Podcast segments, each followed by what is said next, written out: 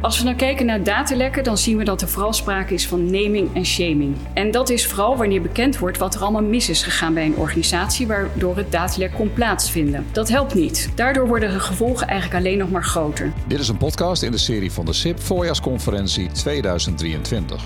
In dit verhaal spreekt Elisabeth Tolen, advocaat en partner privacyrecht bij Van Doornen.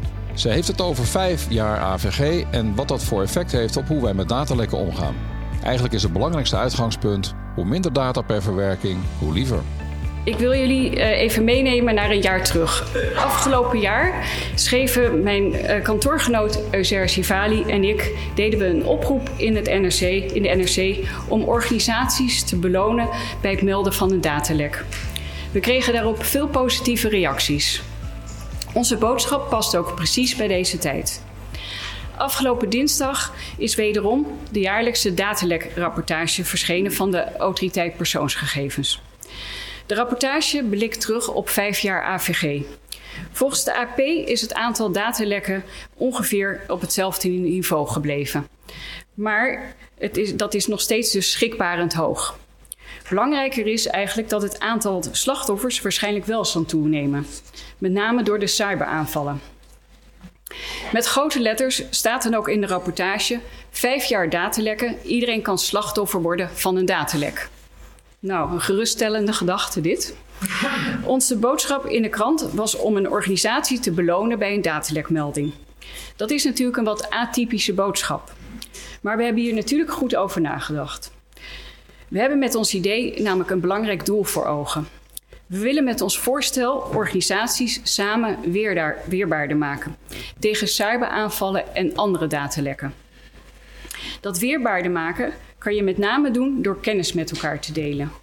Zoals we dat vandaag ook met elkaar doen, hier op deze conferentie van het CIP, op deze prachtige locatie natuurlijk. Het is voor het eerst dat ik hier ben en ik vind het echt uh, heel mooi hier. Als we dan kijken naar datalekken, dan zien we dat er vooral sprake is van naming en shaming. En dat is vooral wanneer bekend wordt wat er allemaal mis is gegaan bij een organisatie, waardoor het datalek kon plaatsvinden. Dat helpt niet. Daardoor worden de gevolgen eigenlijk alleen nog maar groter. De kranten komen ermee vol te staan en het slachtoffer van de cyberaanval kan een enorme deuk oplopen in het vertrouwen. Ook lopen ze het risico op ingrijpende onderzoeken en boetes van de AP. De AP kan uitgebreide informatieverzoeken doen en dan ga je het molen van het onderzoek in. De kans bestaat dat aan het einde van het onderzoek ook een hoge boete volgt. Ook zien we dat steeds meer burgers klachten en schadeclaims indienen.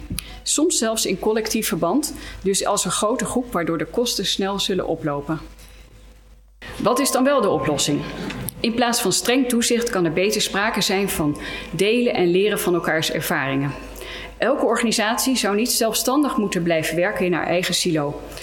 Dus zoals ik al zei, in plaats van naming en shaming moet er sprake zijn van sharing is caring. Naar onze mening moeten we naar een cultuur toe waarin openheid en oplossingsgerichtheid wordt beloond in plaats van gestraft.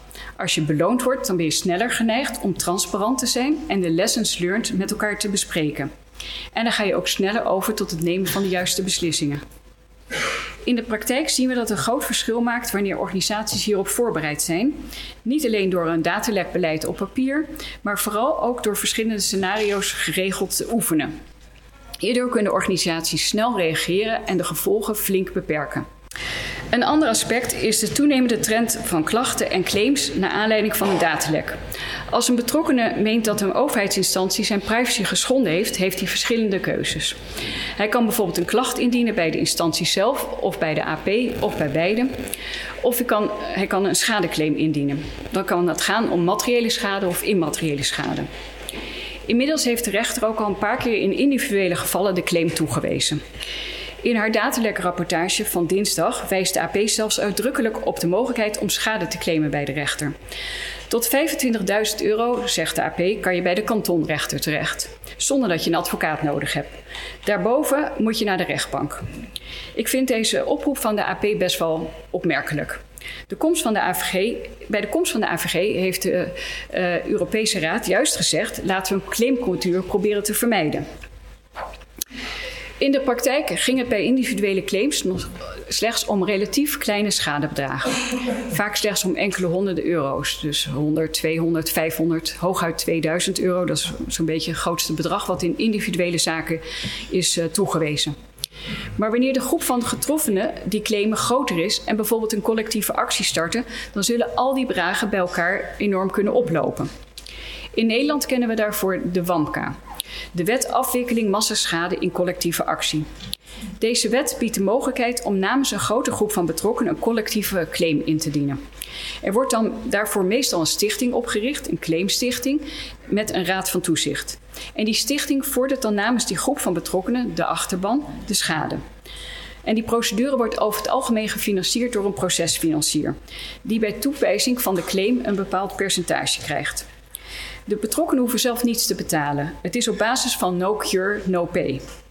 Het is van belang om ook hierop voorbereid te zijn en goed om te gaan met klachten en claims omdat iedereen natuurlijk persoonsgegevens heeft, zijn eigen persoonsgegevens, is er daardoor altijd wel sprake van een grote groep van betrokkenen die je kan vinden om die, om die te laten vertegenwoordigen. En daarom begint de massaschadeclaim ook steeds meer op te komen in privacyland. Uitspraken van het Hof van Justitie zijn ook relevant om daarbij te volgen. Er speelt voorlopig nog wel een discussie over de verhouding tussen de AVG en de WAMKA. Het Hof van Justitie heeft intussen wel al duidelijkheid uh, geschapen over wat onder het schadebegrip in de, uit de AVG verstaan moet worden. Het goede nieuws is dat het Hof heeft bevestigd dat de schadevergoeding pas in beeld komt als er sprake is van een schending van de AVG. Dus er moet sprake zijn in eerste plaats van een normschending. Er moet schade zijn geleden en er moet kausaal verband zijn tussen de schade en de schending.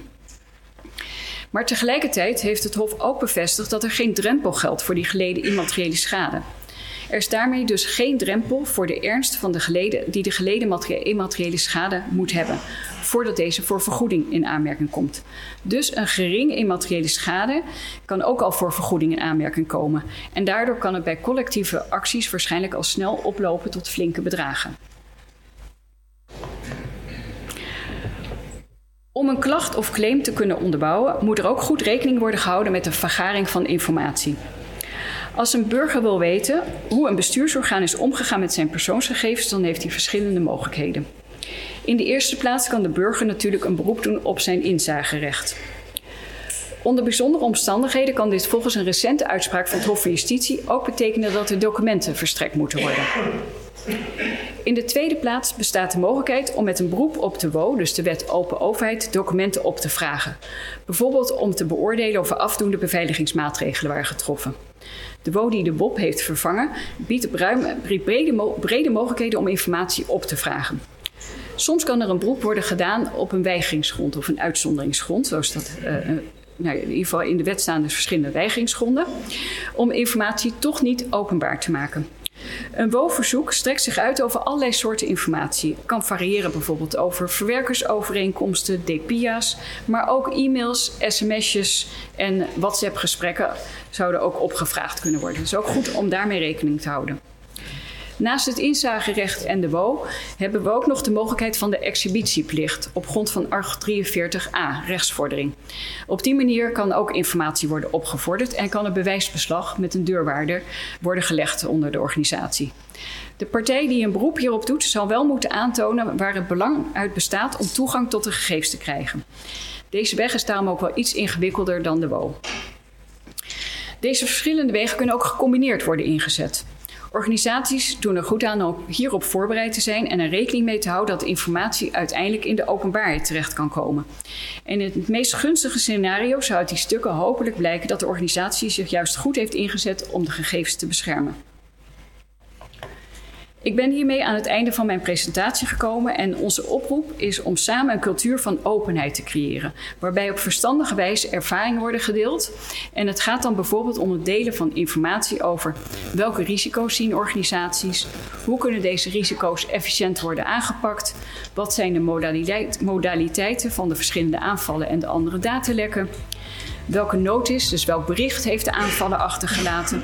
Is bekend wat de intenties waren van de aanvaller? Waar komt de aanvaller vandaan?